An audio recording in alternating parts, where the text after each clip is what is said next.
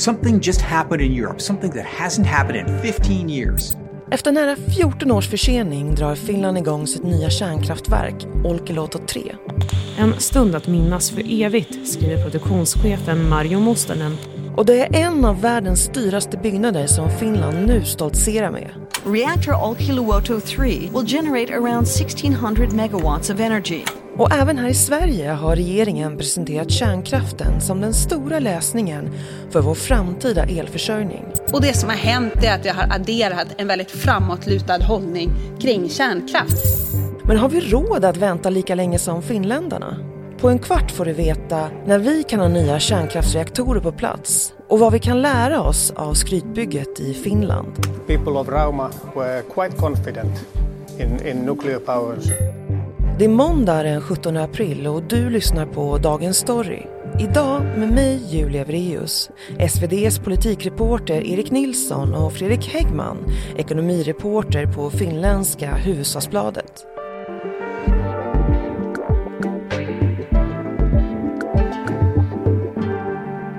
Fredrik, firar Finland nu när det nya kärnkraftverket i Olkiluoto äntligen är i bruk? Alltså det ska ju finnas orsak att fira, ska man, kan man ju lugnt säga. Det här har ju varit ett evighetsprojekt som har liksom puttrat på där i snart sagt 20 år. Så att eh, det, det, det, är klart att det, det, är en stor grej och det är enormt kraftverk också. Men eh, det blir ju lite så här med sådana lång, långkörare att man kanske tappar intresse efter ett tag. Så att eh, man kanske drar en lättnadens suck men några större fester förväntar jag mig inte åtminstone. Ja, det har ju tagit väldigt lång tid, men vi kommer återkomma till det. Men hur mycket väntas de finländska elpriserna att sjunka när det här nya kärnkraftverket är i bruk? Saken är ju den att priserna har ju kommit ner ganska mycket nu de här senaste månaderna. Så att eh, den här frågan om de höga elpriserna kanske inte varit li riktigt lika aktuell nu på sistone. Och eh, skulle det här kraftverket ha varit klart i höstas då elen var rekorddyr så skulle det ha varit en annan situation. Då skulle man ju förstås ha välkomnat det med, med öppna armar på ett annat sätt. Men, men det är klart, det här kraftverket står för 14 procent av eh, Finlands eh, elbehov så att eh, på det viset har det ju en stor effekt och det minskar också på behovet av att importera el från Sverige. Det här kan ju också påverka elmarknaderna i Sverige. På vilket sätt? Jag kollar på kartan idag och i, i Finland importerar vi nu el från Sverige och eh, exporterar el till Estland. Och ibland exporterar vi också el till Sverige, vilket innebär att det då kommer, kommer finns producerad el till Sverige. Och på det här viset så, så får ju elproduktionen i Finland en inverkan på elpriser i Sverige också på samma sätt som elpriser i Tyskland kan påverka de svenska elpriserna. Så det, det är klart att det, bedömningen är att det kommer att ha en effekt även i, i övriga delar av Norden. För samtidigt som Finland eh, öppnar ett nytt kärnkraftverk så finns det ett annat land som går emot strömmen i den här frågan. För just i helgen så stängde ju Tyskland sina sista kärnkraftsreaktorer. Hur har reaktionerna varit på det? Det jag har läst om ämnet är åtminstone att reaktionerna har varit lite delade i ljuset av det här senaste årets energikris. Det är inte alla längre som tycker att det kanske är fullständigt optimalt att, att stänga ner eh, kärnkraftverken. Här i Sverige vill regeringen istället bygga ny kärnkraft. Berätta Erik.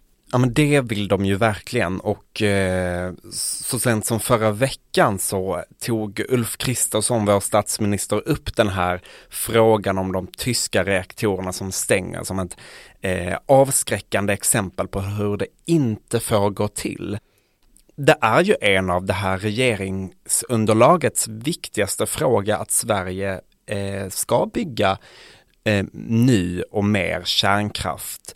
Eh, dels på grund av energiförsörjningen och för att eh, få mer eh, så kallad planerbar kraft. Svenska hushåll ska inte drabbas av de här höga elpriserna som vi har sett den här vintern. Men också är det deras viktigaste verktyg för att eh, klara av klimatomställningen eftersom att eh, kärnkraften ju inte släpper ut de här eh, fossila utsläppen.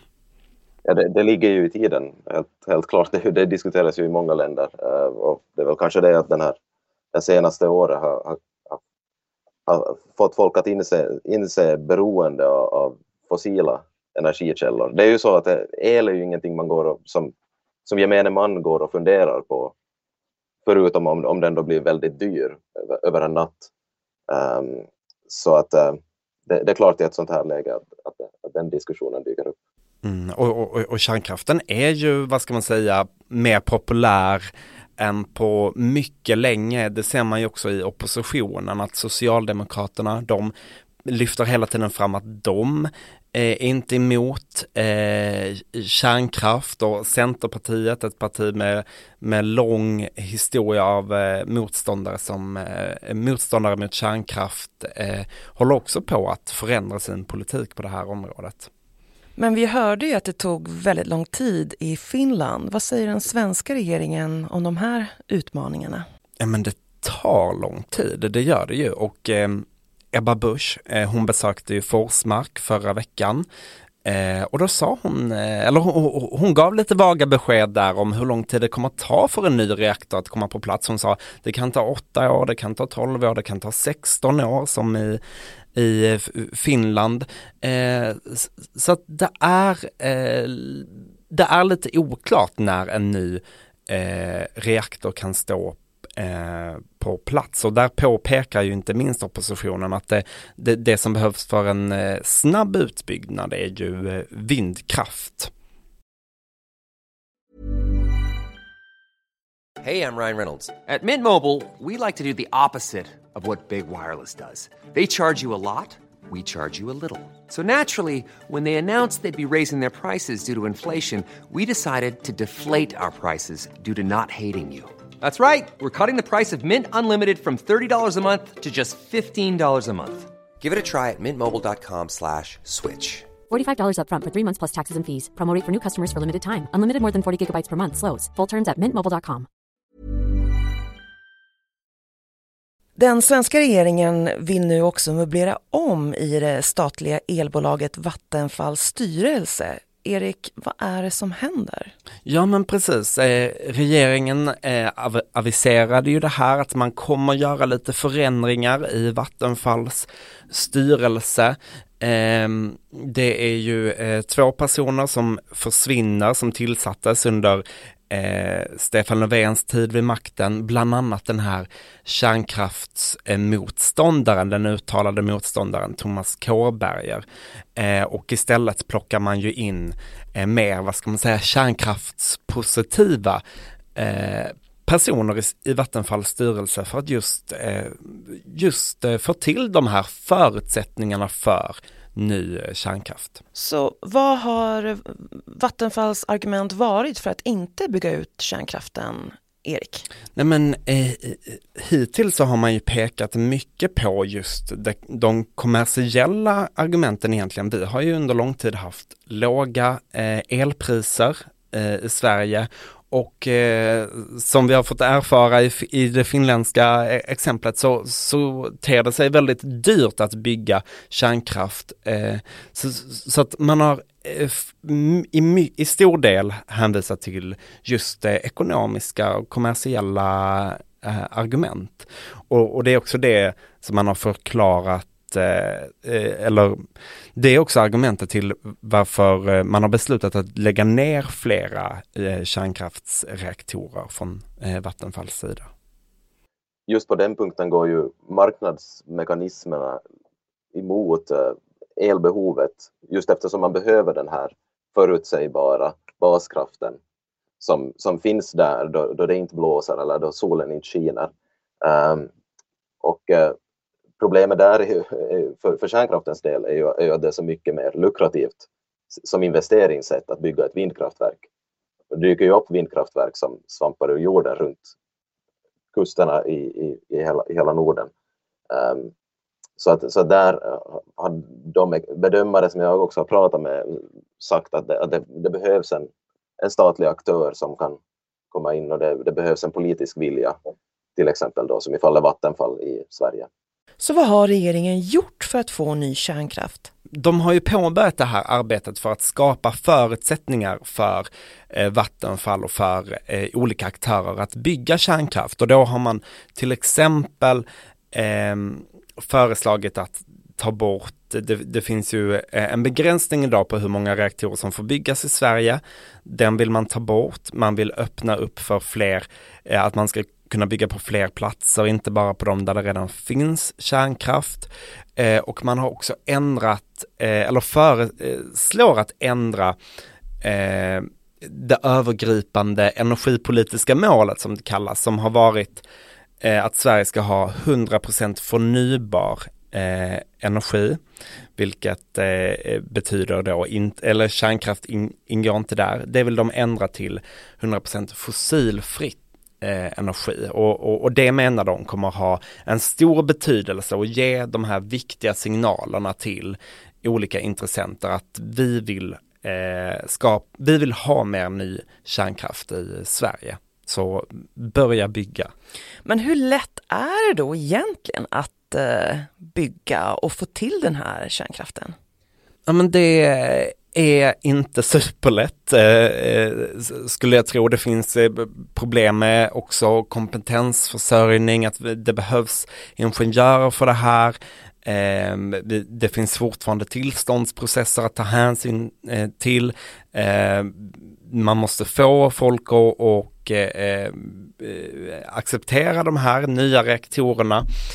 Eh, så, så att det, det, finns ju en hel del på, på eh, steg på vägen som, som måste tas. Så att det, det, det är svårt att, att, att, svara på egentligen, men inte helt lätt vad det verkar. Det finns väl lättare saker att göra. Och det tog nästan 20 år att få klart Olkiluoto 3.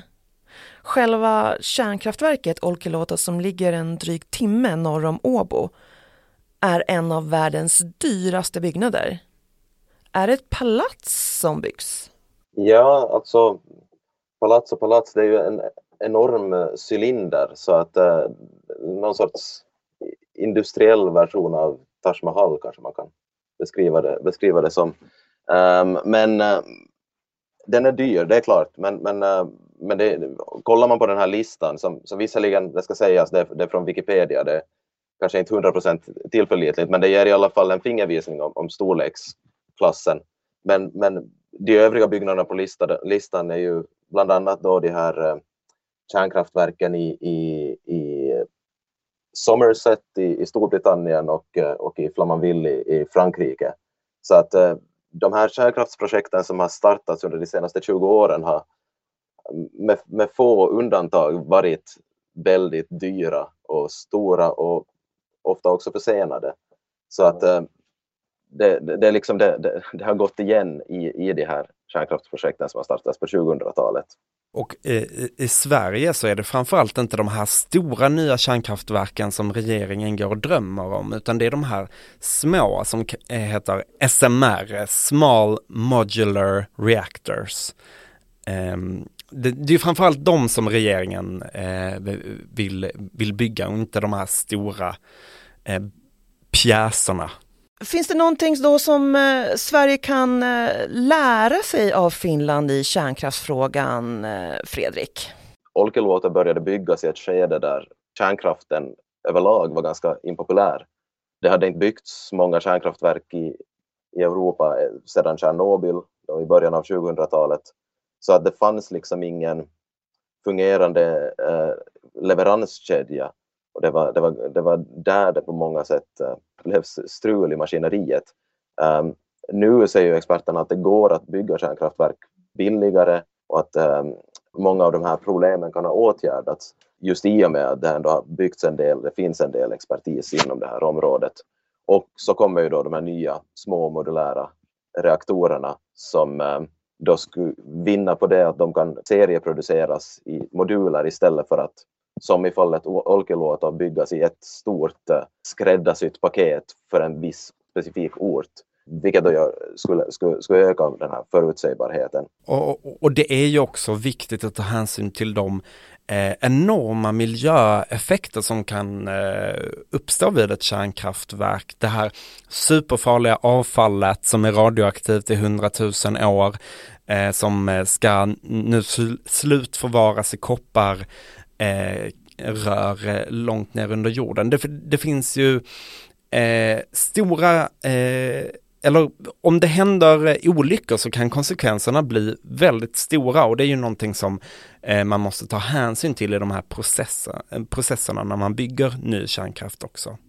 Och, och, och det är ju en aspekt som är ganska, vad, vad skulle jag säga, liten just nu i diskussionen kring kärnkraft i, i det politiska samtalet. Och så ska man ju komma ihåg att de här eh, små modulära reaktorerna, SMR, eh, är ju i ett tidigt stadie av utvecklingen. Det, tidigare i våras kom besked om att Estland troligtvis blir det första landet i Europa att bygga en sån här SMR-reaktor som ska vara klar till 2031. Men det, det, finns ju många, många aspekter där att tänka på i och med att det är en, det är en ny sorts reaktor helt enkelt. Fredrik, kan inte du avsluta med att sia om kärnkraftens framtid? Ja, alltså man, man ser ju ett klart uppsving i intresse åtminstone och i diskussionen om det. Um, det var en, en expert som här, sa här i, till, till, min kollega att det liksom, innan man kan tala om en kärnkraftsrenässans måste vi ju se några projekt som faktiskt går i mål också. Några andra än, än då Olkiluoto som har pågått i 20 år.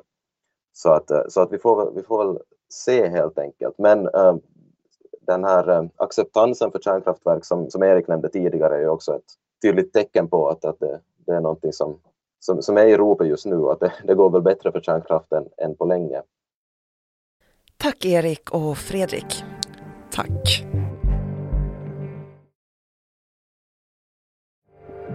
Programmet idag klipptes av Lasse Edfast, redaktör var Teresa Stenler von Martern och jag heter Julia Vreus. Klippen i programmet kommer från Sveriges Radio, Deutsche Welle News och Engineering TV.